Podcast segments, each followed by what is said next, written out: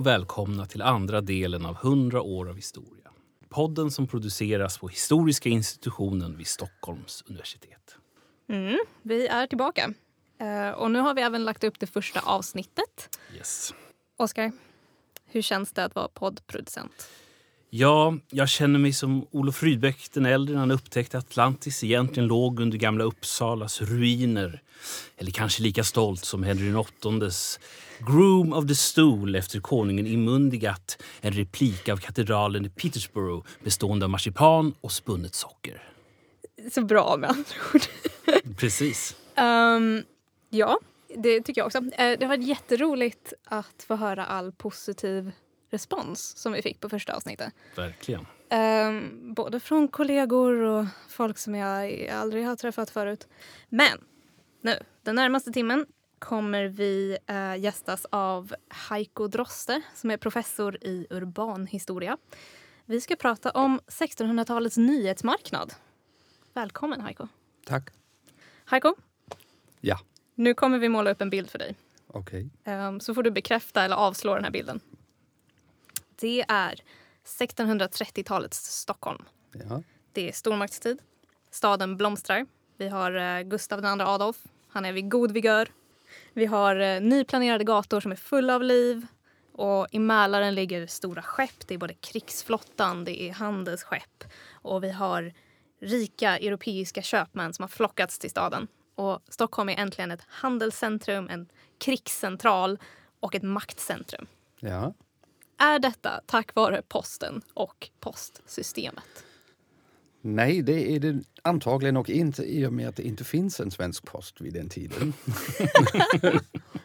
Posten kommer officiellt 1636. Eh, Det är andra försöket att introducera en post.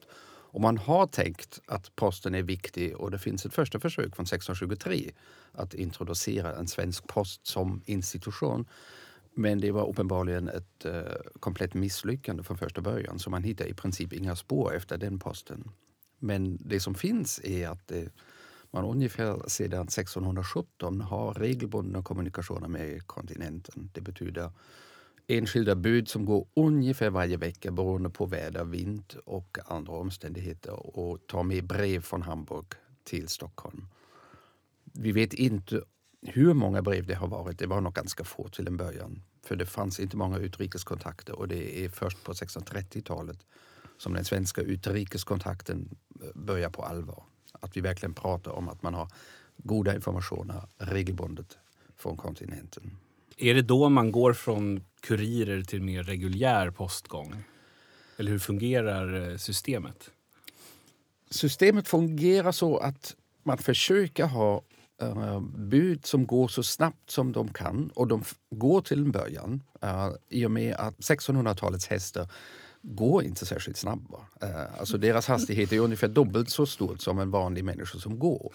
Det finns inga fungerande vägar som de kan anlita sig av så vi måste tänka att de går rakt genom landskapet på några stigar eller så vidare. Och till en början verkar alla budbärare ha gått med posten. Och inte tagit en häst. Senare kommer hästar. Man försöker organisera det i och med att det gamla systemet med enskilda bud som går eh, är väldigt krångligt därför att buden, budet måste sova någon gång. Mat och logi? Är det sånt man behöver? Ja, det, det är mat och logi och det finns ju inga gäststugor egentligen så de eh, lär ha bott på, eh, hos enskilda bönder och så vidare. Så höskullar och... Ja, vi måste nog tänka oss att det var ganska... Alltså det saknas helt enkelt en infrastruktur i Sverige under den tiden som kan användas. Ehm, och det man introducerar 1636 och det som gör skillnad är att man då skapar ett system som inte kostar väldigt mycket men som fungerar förvånansvärt bra och det är att man ger till enskilda bönder i uppdrag att transportera posten på två, tre mils avstånd så fort de kan. Sen kan de lämna över postsäcken till nästa bonde och eh, gå tillbaka och ta det lugnt eller så vidare. Och på så sätt bryter man upp vägen i väldigt många små bitar eh, som kan ehm, användas av olika bönder så snabbt de bara kan. Uh, I gengäld får bonden inga pengar. Bonden får skattebefrielse, bonden behöver inte delta i några krig. Så man får i princip privilegier tillbaka. Men det fungerar förvånansvärt bra. Men det måste ha varit en väldigt populärt eh, liksom, sido, en sidohobby liksom att trans, vi, vi vet post. faktiskt inte om bönderna tyckte det var populärt. Vi har inte så många bönder som har pratat om det där. Eh, och kronan frågade inte särskilt snällt eh, om eh, Aha. en bonde skulle ställa upp. Det var mer att man uh, tilldelas den uppgiften därför att man råkade ligga vid den tilltänkta budvägen. Friheten från utskrivning till kriget måste nog ha varit värd ganska mycket. Att Mm. man visste att man inte skulle behöva vara med i de väldigt många krig som Sverige hade under den tiden. Gällde det hela familjen eller var det bara personen i fråga som... eh, Det gällde hela familjen. Det finns alltså en bonde som styr över ett hushåll och alla personer som bor i det där hushållet täcks av de privilegier som hänger med. Och det är väldigt, väldigt osannolikt att bonden själv gick med posten. Bonden har skickat en äh, äldre son, äh, en dräng, äh, någon person under hans uppsikt, någon person som tillhörde hushållet som kunde ta ja, de brev som kom. Men kan man tänka sig att det kanske fanns lite ökad trygghet i att vara brevbärare? För att ehm, inom Hansan vet jag att där var det om man, om man råkade döda en, en brevbärare Ja. då var det extremt höga böter. Ja. Mycket högre än om man dödade sin brorsa eller sin, eh, sin vän eller någon annans. Det, det är ganska märkligt. Det finns från första början eh, ordinanser och regler och lagar som skyddar posten efter bästa förmåga. Vi vet att eh, olika budbärare har råkat illa ut eh, för att eh, deras eh, brev stulits och de enskilda budbärare har också mördats eh, för olika anledningar. I synnerhet när någon misstänkte att de hade viktiga saker med sig, diamanter, pengar eller så vidare. Och det var i och för sig förbjudet med den svenska posten. Man fick inte skicka värdesaker med posten. Det är för att man inte litade på bönderna. Eh, Såklart. såklart. Men alltså, det finns ett starkt skydd. Uh, själva brevbäraren måste ha haft någon form av symboltecken på sig eh, som visade ut att han är eh, brevbärare. Eh, antagligen också ett slags brev som visade att han eh, handlade i kungligt uppdrag. Ehm, och på så sätt var han väldigt bra skyddad. Men vi vet å andra sidan att det förekommer brevstölder och eh, våld mot brevbärare redan på 1600-talet. Ganska regelbundet faktiskt. För man kan tänka sig att en stor stad som, som Stockholm är extremt eh, beroende av att breven kommer fram. Ja. Att de inte kommer på avvägar. Ja, alltså Stockholm är väldigt beroende som de flesta andra städer och vi hittar hur många klagomål som helst på 1600-talet. För att eh, i synnerhet köpmännen eller det, eh, kungen eller hans administration blir arg över att posten är försenad. Och det finns utredningar därför att posten kom en halv dag försenad eller att posten uteblev eller så vidare. Det finns enskilda postdagar där alla väntar på att posten kommer och den måste omhändertas direkt. Och det budet, alltså brevbäraren, när det närmar sig en stad så blåser den ett horn så att alla vet att nu kommer posten och så vidare. Alltså det är stor, eh, stor uppståndelse varje vecka och de väntar och de väntar otåligt för de vet att posten ska komma inte bara på torsdag, den ska komma på torsdag efter klockan åtta. Eller den ska komma kring lunchtiden eller så vidare. Så, och då finns en stor förväntan och då skickar köpmännen sina eh, drängar till posthuset och säger hämta ut mina brev omgående, jag måste ha alla det nyaste. Och, eh, det, är, det är en riktig praktdag under hela veckan som, som eh, förändrar rutinerna för människorna då. Så det går inte riktigt att jämföra med hur kränkta folk blir när Postnord inte levererar sina paket som vanligt. Nej, det, alltså det, det vet vi inte, men det vi hittar på arkivet är ju utredningar om förseningar som vi tror, men på 1600-talet måste man väl räkna med att ett brev kommer någon, några timmar försenade. Men det ville de inte räkna med. De ville ha en utredning varför det här brevet inte kom fram i tid. Någon av de här postmännen eller bönderna hade gjort en liten sidoväg till en taverna för att ta ett glas. Liksom. Då vill man veta det helt enkelt. Och det var totalt förbjudet. Det fanns alltså ordinanser som sa att brevbäraren under inga omständigheter fick ta ett öl på vägen, fick under inga omständigheter stanna på vägen och prata med människor som han träffade. Och, eh, och det har vi redan på sin medeltid, alltså långt innan det finns överhuvudtaget en post. Eh, I Sverige finns alltså på kontinenten ordinanser för um, brevbärare och de är väldigt, väldigt tydliga. Stanna under inga omständigheter, drick inte alkohol, Prata inte med någon innan du har levererat breven. Hastighet hade högsta prioritet redan på 1400-talet. Mm. Du höll ju en föreläsning på ABF-huset Ja. på precis samma ämne. Ehm, och där uttryckte du som att det är få saker som stockholmarna vet först. Är det för att vi är bannlysta till periferin här uppe? Bannlyst och periferin är inte samma sak men det, det återstår att Stockholm ligger i slutet på en stor postlinje. Det är så och det är så under hela 1600-talet och också framöver. Ehm, det betyder att vi vä- väldigt tydligt i Europa kan se att vissa städer ligger i en form av periferi därför att ehm, de ligger lite avsides och det gäller London på 1600-talet på samma sätt som Stockholm. Också i London känner man att eh, man ligger lite avsides. England är ingen stormakt än i början på 1600-talet. Ehm, och även när Stockholm blir stormakt senare så hänger man alltid efter. Det tar sju till tio dagar för ett brev från Hamburg att komma till Stockholm. Och vi måste helt enkelt räkna avstånd på 1600-talet i tid. Det är inte kilometer som är det relevanta, det är hur lång tid tar det för en nyhet från Hamburg att komma till Stockholm och vara en nyhet där. Och då kan man säga att Stockholm ligger i en ungefär tio dagars periferi till kontinentens stora händelser. Minst tio dagar. Jag, jag tänker på det att Sverige under den här tiden eh, spändes ju från ja, Luleå i norr till Ingemarland, eh, Göteborg. var ju rätt st- stort Ja. till ytan men en väldigt eh, liten folkmängd jämförelsevis. Hur såg det liksom byråkratiska uppbyggnaden av eh, postväsendet ut? Det är en eh, rolig sak med den svenska posten att man från första början planerar att ha posten i hela riket. Och det omfattar alltså inte bara Sverige så som vi ser det idag. Det omfattar också Finland, det omfattar de baltiska provinserna och de tyska provinserna. Från första början finns ambitionen att hela riket är sammankopplat via posten. Fast man vet att den posten kommer inte bära sig själv. Ehm, på linjen mellan Stockholm och Hamburg, då tjänar man stora pengar. Då genererar posten intäkter därför att det finns så många brev som skickas fram och tillbaka. Men man vill ha posthus i hela uh, Sverige och man börjar direkt. Man börjar 1636 i Sverige, 1638 i Finland och då finns det inte många städer i Finland. Sen något år senare försöker man ha en regelbunden postförbindelse till de baltiska städerna.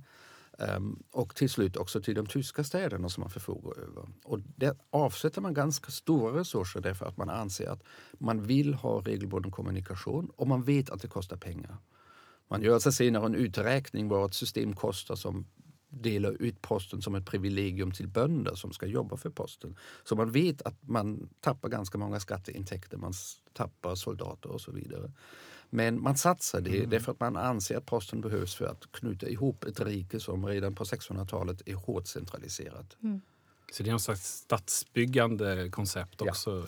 Det är väldigt tydligt ett stadsbyggande koncept. Eh, Man vet att administration, en administration som från Stockholm försöker regera ett stort rike behöver den kommunikationen. Och på 1600-talet har man kommit så långt att man kan organisera det fast man inte har en ordentlig infrastruktur av vägar. Man försöker ganska många gånger ta vattenvägar. Annars är det verkligen stigar. Så som Sörmlandsstigen här i landskapet som vi ser när vi ser den. Men eh, så mycket större lär den inte ha varit på 1600-talet. Det är alltså inga utbyggda vägar, inga ordentliga broar och de beskrivningar som vi har från 1600-talets infrastruktur är ganska hemska. Det är först på 1700-talet som vi verkligen har vägar som man bygger ut. För det är väldigt höga kostnader som uppstår för att underhålla ett vägsystem. Kan man se någon dramatisk förändring sen då, när vi har väl installerat det här postsystemet? Den förändring som man kan se ser man ju på arkiven. Man ser ju att arkiven sväller eh, väldigt, väldigt mycket. Från och med 1610-1620-talet sväller Riksarkivet väldigt starkt. Våra landsarkiv som vi har i olika delar av Sverige växer lite senare. Eh, de flesta tillkommer först med stora materialmängder i slutet på 1600-talet. Men det är alldeles uppenbart att den kommunikation som blir möjlig och som pågår varje vecka att den skapar ett pappersflöde som arkiveras. Um, väldigt, väldigt mycket av det material som måste ha funnits är förlorat men ändå det som återstår visar att administrationen växer och att också kommunikationen växer. Eh, vi har ju varit och eh, rört vid det här men, att, eh, men du skriver ju till exempel att brevet var kanske 1600-talets viktigaste medium. Och den här korrespondensen skapade flera olika nyhetsmedier. Handskrivna brev, handskrivna tidningar, även tryckta tidningar och så vidare. Kan du berätta hur det fungerade och vilken social strata som var kopplade till de respektive medierna? Ja, det var en stor fråga som jag försöker bryta ner. um, det, alltså brevet är sedan antiken det medium som folk använder, som människor använder för att hålla kontakt med personer på, på distans som befinner sig på en annan plats. I en ganska klassisk definition är brev ett tal från en frånvarande till en frånvarande.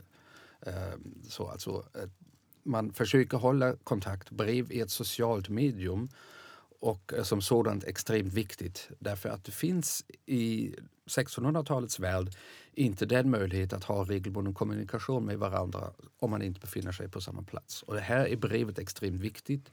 Och i och med att posten kommer och möjliggör kommunikation varje vecka, i och med att brev blir också ett billigare medium i och med att papperspriset sjunker eh, så uppstår helt andra möjligheter att hålla regelbunden kontakt med personer. Och en annan sak som spelar in som gör brevet som ett väldigt viktigt medium är att man sedan antiken tycker att vänner ska skriva till varandra för att skapa kontakt, för att hålla kontakt, för att bekräfta vänskapen. Så det är en social tjänst, mm. en vänskapstjänst att skriva till varandra. Och när man skriver till varandra berättar man om egna saker, om personliga saker. Man diskuterar kanske en fråga. Och så tillfrågar man väldigt många gånger nyheter. En människa som sitter i Göteborg säger och så har det kommit ett, skepp från eh, Nederländerna som berättar om det här och det där. Och det är en nyhet som man skulle hitta i en korrespondens mellan människor som sitter i Stockholm och Göteborg. Mm. Och det som hände på 1600-talet och på andra ställen redan på 1500-talet att den där nyhetsdelen som vi hittar i brev, den separeras från brevet. okay. För olika anledningar. Å ena sidan vill ju en person som får nyheter använda dessa nyheter för att berätta för sina bästa vänner om att jag har just fått veta från Göteborg att det har kommit ett skepp till Göteborg och de har berättat det här och mm. det där. Är inte det riktigt roligt? Är det inte viktigt? Och så vidare. Och då är det bra att ha den nyheten på en extra lapp så man bara ger den till sin skrivare och säger gör gärna fem kopior. Jag vill skicka vidare det. Mm. En annan sak är att den nyheten som man fick från Göteborg är kanske känslig. Ja, den berättar kanske om en svensk general eller ett misslyckande i kriget eller så vidare. Så man vill sprida nyheten men man vill inte att det står ens eget namn under nyheten. Så ja. man skriver det på en separat lapp. Man skriver inte hälsningsfraser, man skriver inga avskedsfraser. Man skriver bara nyheten på lappen. Och så kan man sprida den genom att kopiera den. Och eh, den nyheten kan inte spåras. Man riskerar inte att man utsätts för kritik av en person som berättas om eller av personens bästa vänner. På så sätt anonymiseras nyheter så att eh, de blir till en, till en slags social resurs, en vara som eh, vänner kan byta ut för att hålla kontakt, för att skapa kontakt. Du pratar ju om de här eh, två tvetydiga begreppen korrespondens och eh, kommersium. Det känns ju ändå som att det ja. Har med att man, eh, att man delar upp brev, exempelvis. Ja. Alltså min, min bok um, handlar om att jag ser det där utbytet av nyheter mellan personer som har sociala relationer med varandra som en form av Ja, nu saknar jag ett svenskt begrepp. Alltså, på tyska heter det geschäft, på engelska heter det business. På svenska vet jag inte riktigt vilket namn jag ska ge det här för affär är för snävt. Eh, mm. Uh, kommertium är å ena sidan vad vi tycker idag, alltså en form av affär en form av verksamhet, en ekonomisk verksamhet. Men på 1600-talet är kommersium också ett uttryck för mina intressen. Så jag gynnar mina intressen genom att byta informationer och, så, och genom att skicka nyheter. Och man kallar det för mitt kommersium. Och på, engelska, det, på det engelska språket finns den där dubbla betydelsen kvar. Mm. När jag berättar för en engelsman “this is not your business” då säger man “det här är mina intressen, det angår inte dig”. Ja, Men på svenska har vi inte den kopplingen. Vi har inget begrepp mer som innehåller den där dubbelheten, mm. det tvetydiga. Men det var väldigt viktigt för min bok att förstå nyheter som ett kommersium, som en geschäft, som en affär. Mellan personer som har sociala relationer med varandra. Ja, du nämner ju din eh, bok här. Du kanske kan eh, få berätta lite grann vad den heter. Den eh, är inte skriven på svenska helt enkelt utan Nej. den är på... Jag, jag skrev boken på tyska för olika anledningar. Den viktigaste av det är att jag är tysk. Och det hörs. Det är mitt modersmål och jag ville skriva en bok som säger exakt det jag tänkte säga. Och då bestämde jag mig efter en ganska lång tid faktiskt, jag hade funderat kring att skriva boken på engelska, att publicera den på tyska. Och den heter på tyska alltså Das Geschäft mit Nachrichten, ein barocker Markt für soziale Ressourcen. Och det kan man översätta till nyheter som vara, nyheter som affär. En barock marknad för sociala resurser. Eh, men jag saknar det där geschäftbegreppet på, eh, på svenska, någon direkt bra översättning. Och eh, jag har jobbat länge med boken, väldigt länge, i och med att jag hade olika små projekt på vägen innan jag insåg att alla dessa små projekt hörde ihop. Så jag sysslade med diplomati, jag sysslade med vänskap, jag sysslade med brevkulturen på 1600-talet. Jag sysslade med tryckta och handskrivna tidningar. Jag hade alltså olika projekt som kretsade kring det som boken nu handlar om. Och efter 15-20 år insåg jag att de hörde ihop och började fundera kring att skriva en form av syntes där jag försökte beskriva min syn på nyhetsmarknaden på 1600-talet. Um, och um, det har jag nu lyckats med, tycker jag. Um, det har jag i alla fall slutfört. Um, och boken förenar alltså väldigt mycket av min gamla forskning och, um, och kommer till nya resultat. Spännande. Man får ta en eh, brevkurs i tyska helt enkelt ja. Eh, för att kunna åtnjuta detta verk. Eh, jag vet att vi pratade förut så lanserar ju du den barocka tiden ja. som man egentligen inte använder i historievetenskapen. Men men i många andra vetenskaper. Och det är ju faktiskt ett rätt, jag tycker det är ett rätt bra begrepp egentligen. Eh, kan du utveckla lite grann varför ja. du väljer att kalla det för det? Alltså jag bestämde mig för att skriva om barock istället för tidig modern tid. Då jag å ena sidan var lite trött på begreppet tidig modern tid. Det antyder hela tiden att det moderna är på väg, det moderna är ofullbordat, det moderna ska utvecklas och vi letade då bara efter det som var modernt och som skulle utvecklas. Det blir alltid någon idé om att den tidig moderna tiden är oförländat och på väg till någonting annat. Och så ser jag inte den tidig moderna tiden. Det är en tid som har en egen kultur, som har egna regler, som har ett eget sätt att se på världen. Ehm, det är en anledning, väldigt kort, och en annan är att eh, alla andra humanister använder sig av barockbegreppet. Och tidig moderna historiker pratar alldeles för lite med filosofer, med musikvetare, med konstvetare, med litteraturvetare som alla pratar om barock. Ehm, och i och med att vi ställer oss lite vid sidan och pratar om det tidig moderna för att vi väntar på det moderna så tappar vi väldigt mycket av den kontakt som jag tror vi behöver för att gräva lite djupare i den så kallade tidig moderna historien som jag kallar för barock. Kan det vara så att man i, i och med att man har det här modernitetstänkandet att man, eh, att man lägger liksom ett, ett blint öga mot det som hände innan det som man kallar för den tidig moderna tiden. Att medeltiden blir någonting som bara kan synas i töcken och det är egentligen framåt man kollar. Ja, jag tycker det ligger väldigt mycket i det du säger i och med att tidig moderna historiker oftast inte är särskilt bra på medeltidshistoria. De sysslar med sitt århundrade. De tänker på sina egna källor. Och det tar ju väldigt lång tid att bli en bra historiker som sysslar med 1600-talet. Jag har gjort det nu i mer än 20 år. Så det finns mycket man ska läsa på men jag tycker man ska se att den, tidig moderna, den så kallade tidig moderna tiden är inte så väldigt mycket annorlunda än medeltiden och det finns ganska många kontinuiteter. Och sen finns det tydliga skillnader. Men det där brottet som vi hela tiden ser därför att det, allting, allting blir annorlunda med Gustav Vasa, det ser inte jag. Um, och jag tycker vi gör oss en björntjänst genom att uh, se sådana tydliga gränser.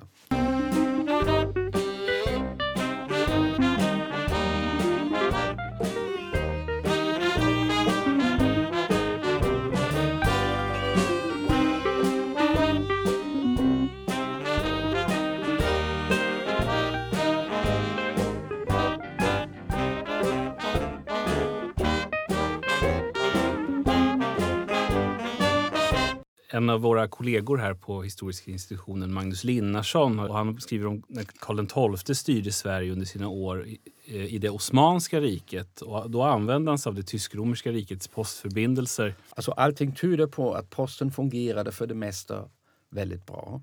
Um, man litade på posten även om man hade en annan religion. Den svenska posten var självklart lutheransk eh, medan den kejserliga posten var självklart katolsk. Ehm, och det fanns inte mycket vänskap mellan dessa länder och inte mellan dessa religioner. Men ändå litade människor på posten och skickade sina brev med olika andra postsystem. Och det vi kan se är att enskilda brev försvann och att självklart hade kejsaren anledning att försöka förstå vad Karl XII skrev hemåt till Sverige.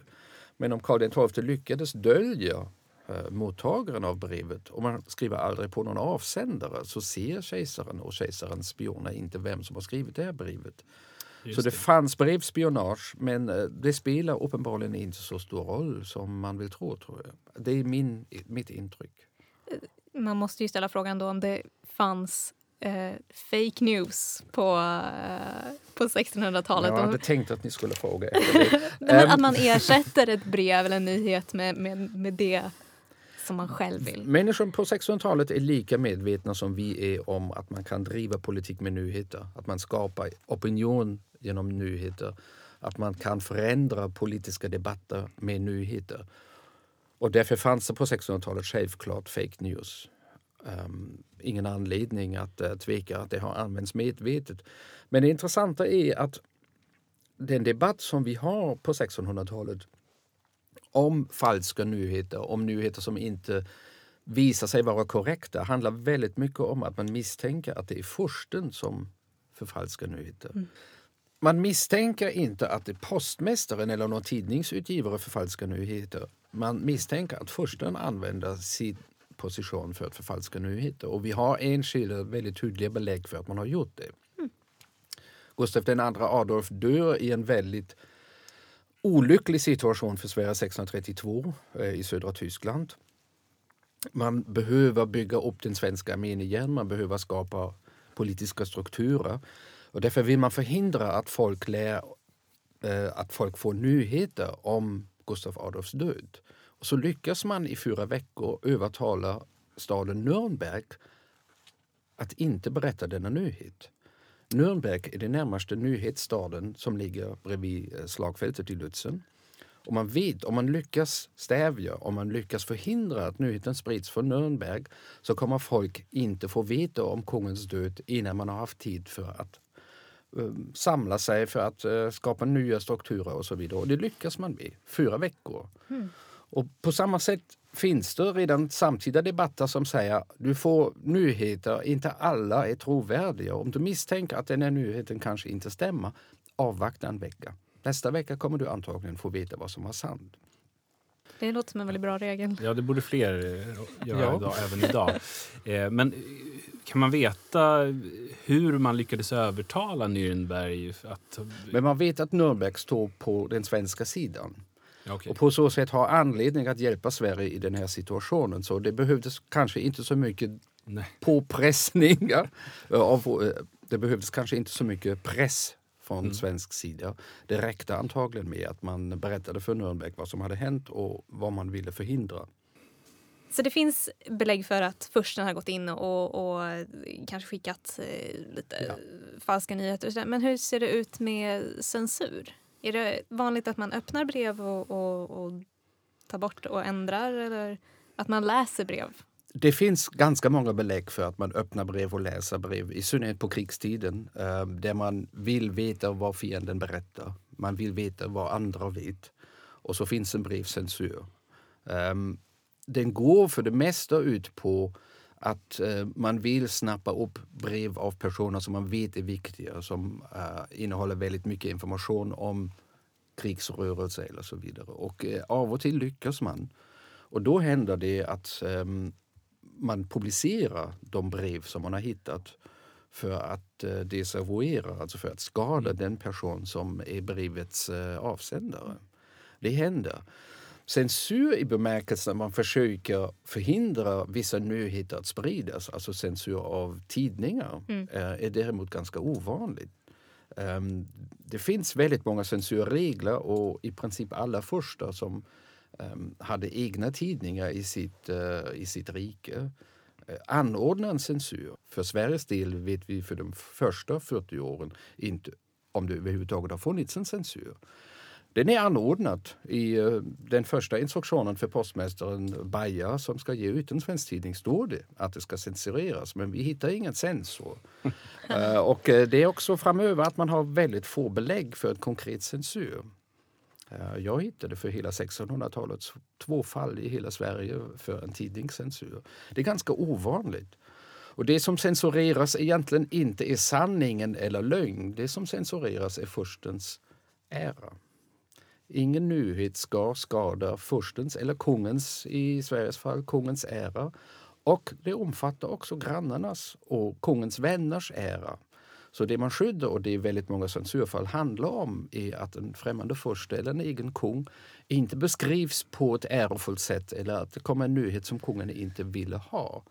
Och då censurerar man en tidning. Men som sagt, det är väldigt få fall som vi vet om. Det är först på 1700-talet att censuren verkligen blir till en viktig faktor i tidningskulturen i och med att först på 1700-talet tryckta och offentliga tidningar når en större krets. Jag, jag tänker så här att nu när vi har pratat om tidningar och vi har pratat om brev som eh, förmedling av nyheter så har ju du nå- något av den kontroversiella åsikten att tryckta tidningar är ett överskattat medium specifikt under eh, tidig moderna tiden.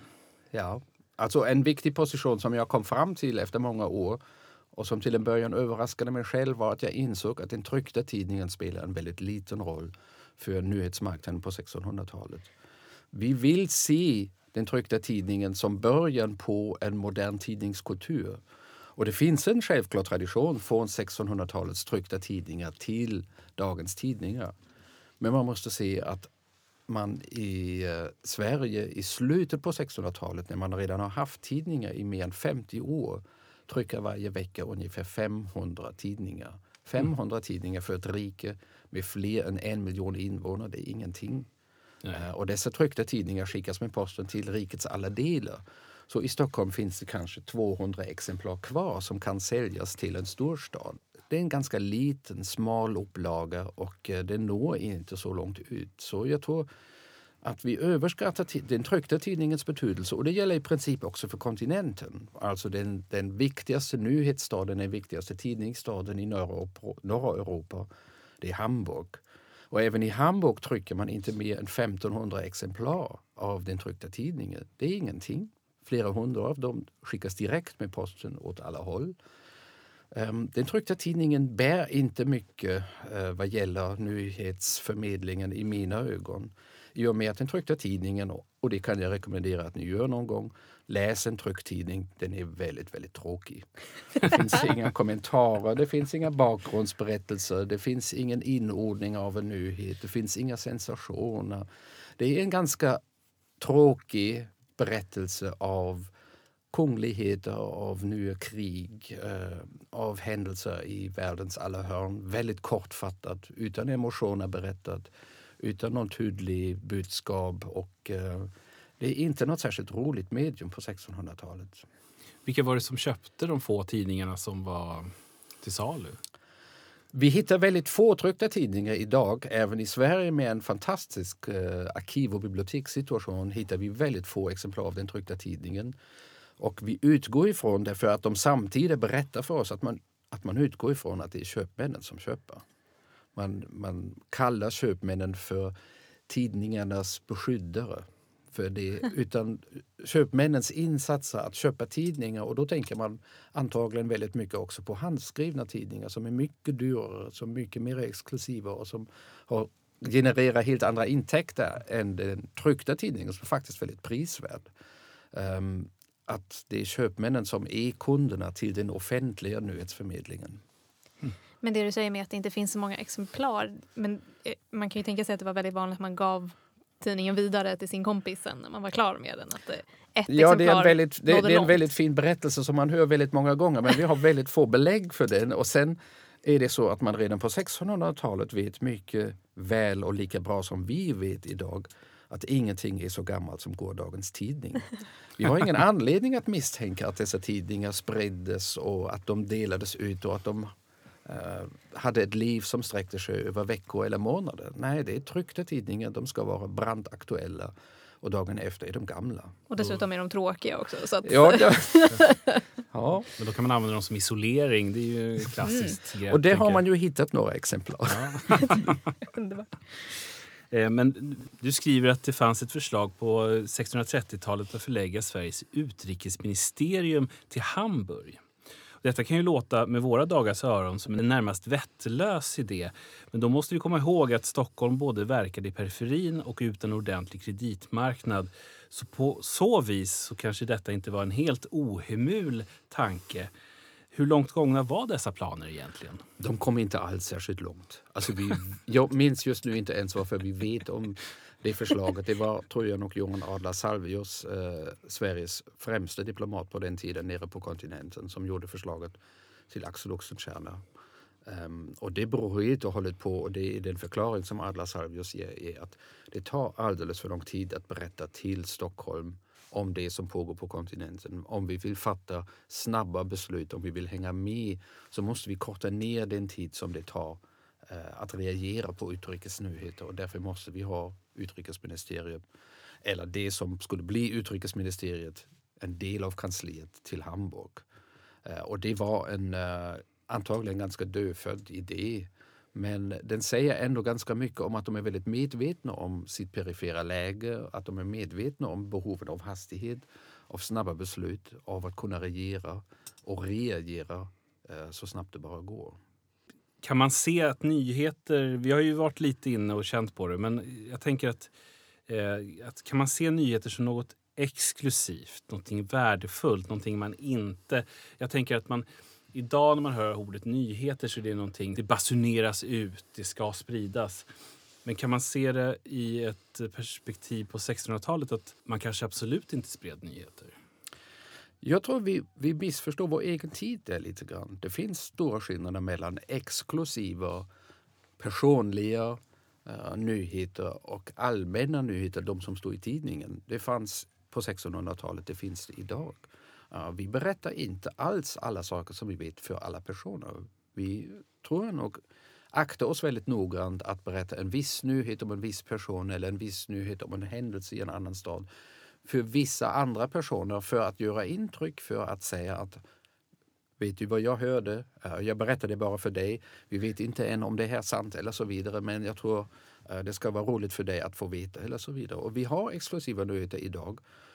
Och vi använder oss av internet och eh, alla möjliga elektroniska medier för att sprida dessa nyheter exklusivt. Vi, behöver, vi, vi tror jag nog behöver förstå att de tekniska möjligheterna att prata med hela världen på, ett och samma, på en och samma gång inte betyder att vi gör det hela tiden. Vi gör fortfarande olika eh, val. Vi begränsar vår vår krets av goda vänner. Vi begränsar den nyhet som vi vill sprida till vissa personer i vissa sammanhang. Och vi håller tyst. Väldigt många gånger håller vi tyst med nyhet när vi tycker att det här är rätt. Det här är inte rätt tid, det här är fel mottagare och så vidare. Och där tror jag nog har det inte så hänt så väldigt, väldigt mycket. Och man har samma uppdelning på 1600-talet i och med att man vet att det som trycks, det har i princip alla möjlighet att läsa. Och det gäller också för den handskrivna tidningen som eh, sprids egentligen offentligt, som kan köpas. Den är mycket, mycket dyrare än den tryckta tidningen men det är ett offentligt medium i och med att i princip alla har tillgång till det. Um, men vid sidan av dessa två offentliga medier som på grund av sin upplaga, sitt pris och språket och andra förutsättningar ändå i princip bara når en elit en krets av mera bildade och mera förmögna människor som dessutom är intresserade av att få veta vad som händer i Frankrike. Inte alla eh, vill veta vad franska kungen just nu har eh, att göra och så vidare. Alltså det finns, även om de är offentliga så finns en begränsad krets av mottagare. Men sen finns det hela tiden en hel, en hel värld med privata, partikulära nyheter. Jag ska gifta mig. Um, min hustru uh, ska föda barn, uh, vi ska flytta, jag ska få ett nytt jobb. Jag har hört att din granne har problem med Skatteverket och så vidare. Alltså alla dessa nyheter um, fanns ju även då, finns idag. Och de behöver en annan exklusivitet, de behöver en annan förtrogenhet. Och det fanns redan på 1600-talet och det diskuterades på 1600-talet. Du ska passa dig att inte berätta fel nyhet för fel person. Du ska passa dig att inte bara prata om någonting som du har läst i tidningen inför människor som du inte känner till. Det kan visa sig att en av dem som sitter med dig i diligensen till Hamburg är en god vän till den person som berättar om tar illa upp och då eh, råkar få problem för den delen. Alltså hela den debatten om att nyheter skapar sociala relationer men kan också skada sociala relationer. Den är gammal och jag tror vi har den idag. Mm. Vi använder oss ganska självklart av den. Uh, men vi är inte så medveten om, medveten om det i alla fall. Kan man se att, eh, att det finns en dubbeltydighet i begreppet nyheter lite grann som geschäft? Att det, ja. det både kan betyda eh, mediet ja. och det här att man viskar i någons öra eller att man eh, pratar förtroligt och så vidare. Ja, alltså, det, det, var ett stort problem för min studie i och med att väldigt många av de begrepp som förekommer på 1600-talet finns kvar idag men betyder inte exakt samma sak som betyder ungefär samma sak. Så man, man tror sig förstå vad det här begreppet betyder. Men det är inte exakt samma betydelse. Det fanns olika betydelser som skiftar. Som begreppet tidning. En tidning är på 1600-talet det vi idag kallar för en tidning. Det är ett tryckt eller handskrivet nyhetsblad med en, det nyaste som kom fram. Men en tidning be, betyder också ganska länge och utan att man alla gånger säger vilken betydelse man nu väljer betyder bara nyhet, en tidning. Där ordet tid finns inbakat i själva ordet. Och det betyder det här är aktuellt, det här är nytt. Mm. Man tänker ju på det engelska eh, good tidings ja. till exempel. Good tidings, ja. precis. Och den där dubbelheten finns i princip i väldigt många språk. Det är på franska novell där vi har uh, det nya i ordet. På tyska är det Zeitung där vi har Zeit, tid i ord. Det är i princip samma mm. ord som på svenska.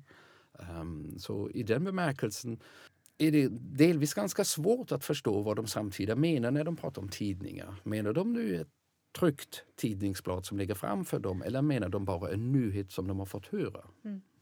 Och då kan man få uppfattningen också att det finns många fler tidningar än vad det faktiskt finns. Ja. ja. ja. Och då pratar vi dagens version av tidningar.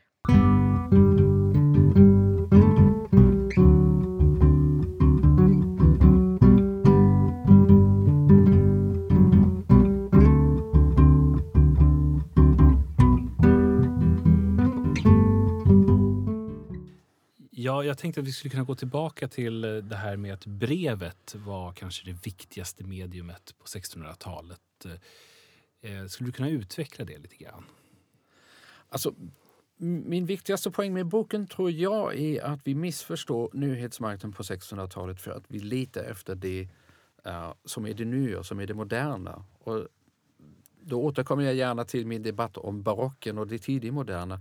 Vi vill se på 1600-talet det som vi fortfarande har kvar på 1900-talet, på 2000-talet och det är de tryckta tidningarna. De, det finns en kontinuitet.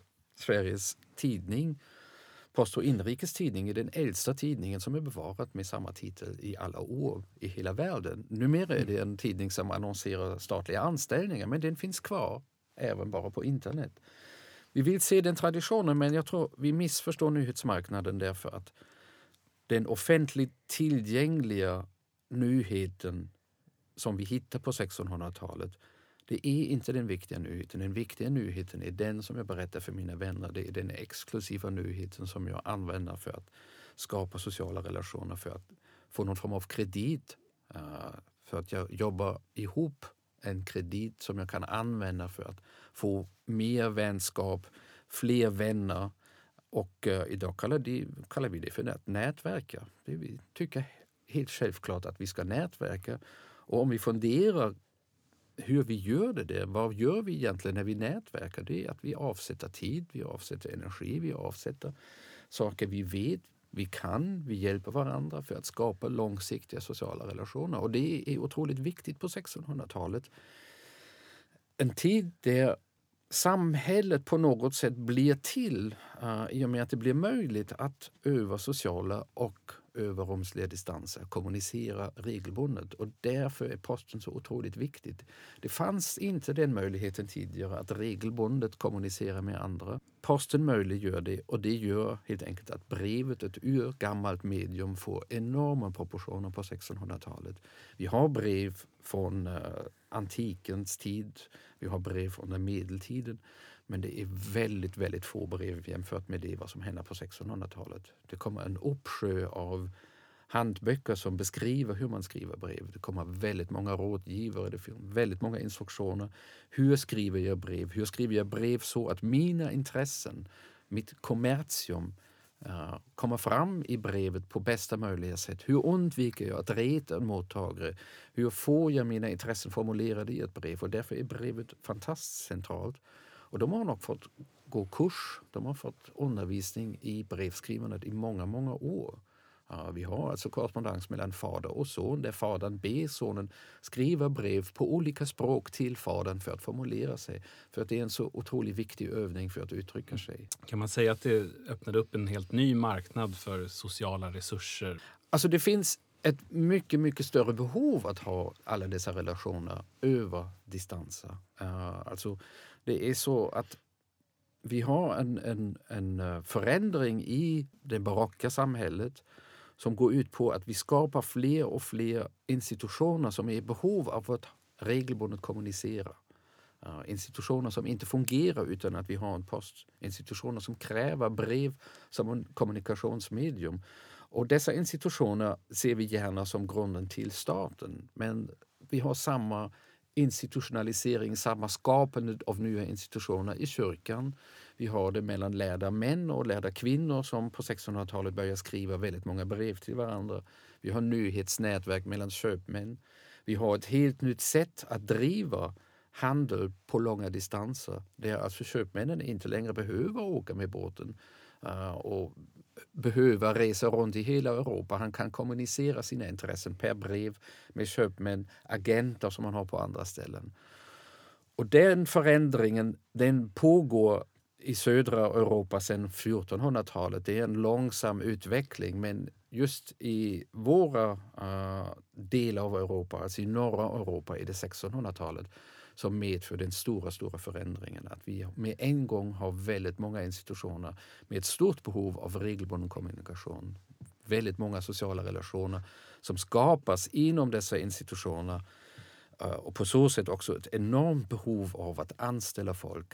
Eh, Svenska kronan har stora problem att få eh, tillräckligt många människor som jobbar för kronan.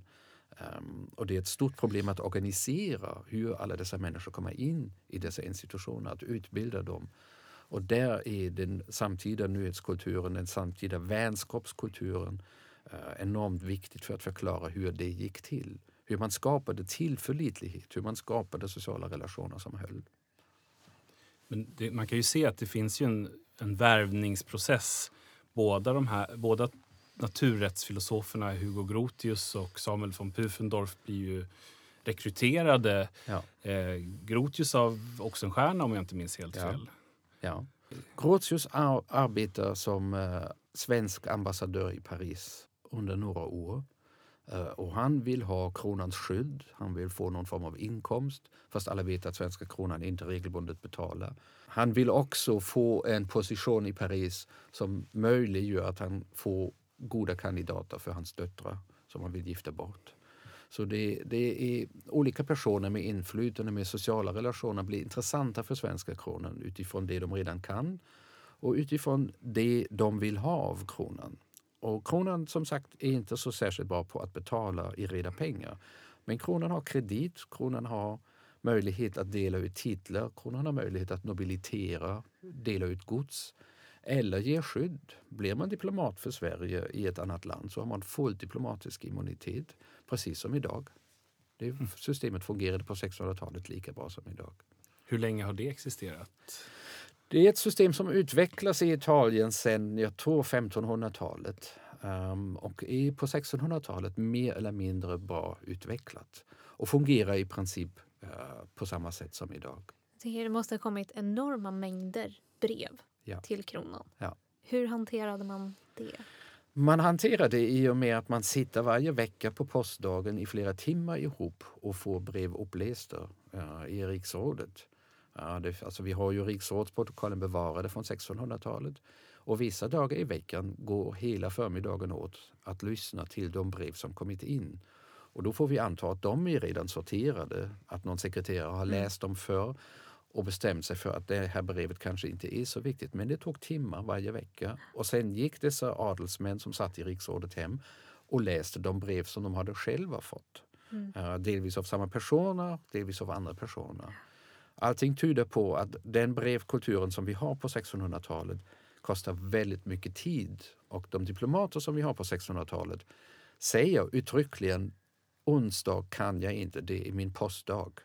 Det betyder att då måste jag först läsa väldigt många brev som kommer in, sen måste jag väldigt fort skriva svar på dessa brev så att jag kan skicka bort dem omgående. De bokar en hel dag för att bara sköta korrespondensen. Um, så det tar väldigt, väldigt mycket tid och energi, väldigt mycket papper. Och alla dessa personer hade flera skrivare som satt och skrev och kopierade och skrev. Berodde det på att man pratade om den här postdagen, att man fick posten, men skulle posten också åka iväg samma dag då? Så att svaren var tvungna att här, produceras under samma dag? Att man hade den här... Ja. Alltså så funkar det i de stora städerna. Um, det finns stora skillnader mellan städerna och nyhetsmarknaden på 1600-talet är i princip, i princip som idag uppdelad mellan centralstäder där nyheterna kommer in och fördelas och besvaras och städer där posten kommer förbi, lämnar brev men går vidare direkt utan att vänta på något svar. Det finns väldigt stora skillnader där och det är bara de stora städerna som verkligen lämpar sig som nyhetsstad. För om jag får en nyhet och sen ska jag vänta fem dagar för att besvara den eller skicka nyheten vidare, då är det för sent. Det spelar ingen roll då Nej. längre. Så man måste befinna sig i ett väldigt begränsat antal stora städer eh, som lämpar sig som nyhetsstäder. Och för norra Europa är det... Alltså jag har undersökt Danzig, Riga, Hamburg och Stockholm. Sen är Amsterdam väldigt, väldigt viktig. Frankfurt, Nürnberg, Köln, sådana städer. Men alla de där mindre städerna spelar i princip ingen roll för nyhetsmarknaden. För det går inte svara innan posten går vidare. För post ska inte eh, stanna på vägen. Posten ska fortgå hela tiden. Eh, hastighet, som jag sa till en början, är extremt viktig. Och i, bara i de stora städerna har man regler som säger att jo, posten ska komma på morgonen till Danzig och den ska inte gå tillbaka före kvällen så att alla har tid att läsa och svara. Ja, då har vi kommit till vägs ände. Och vi vill tacka dig, Heiko, Gärna. för att eh, du har varit här och medverkat. Ja, om jag ska inkarnera mitt inre oraklet i Delphi så tror och hoppas jag att morgondagens nyhetsförmedling kommer att återgå till att ske brevledes. Kanske inte med Postnord, men När vi Vi får, får se. bygga upp det systemet igen. ja. tänker jag håller mig till mejl så länge. Eh, I nästa program så kommer vi prata lite med forskaren Bo Persson här på institutionen om den historiska institutionens historia. Och för er som misstror nu, eh, ni kommer bli överraskade. Vi ska gräva djupt och hitta de mest eh, engagerande historierna för er. För det visar sig att det är väldigt mycket politik och väldigt många fejder bakom den institution som vi har idag. Det blir spännande, minst sagt. Ja, tack och hej. Så syns vi snart igen. Och här kommer lite musik som kan guida er. ut.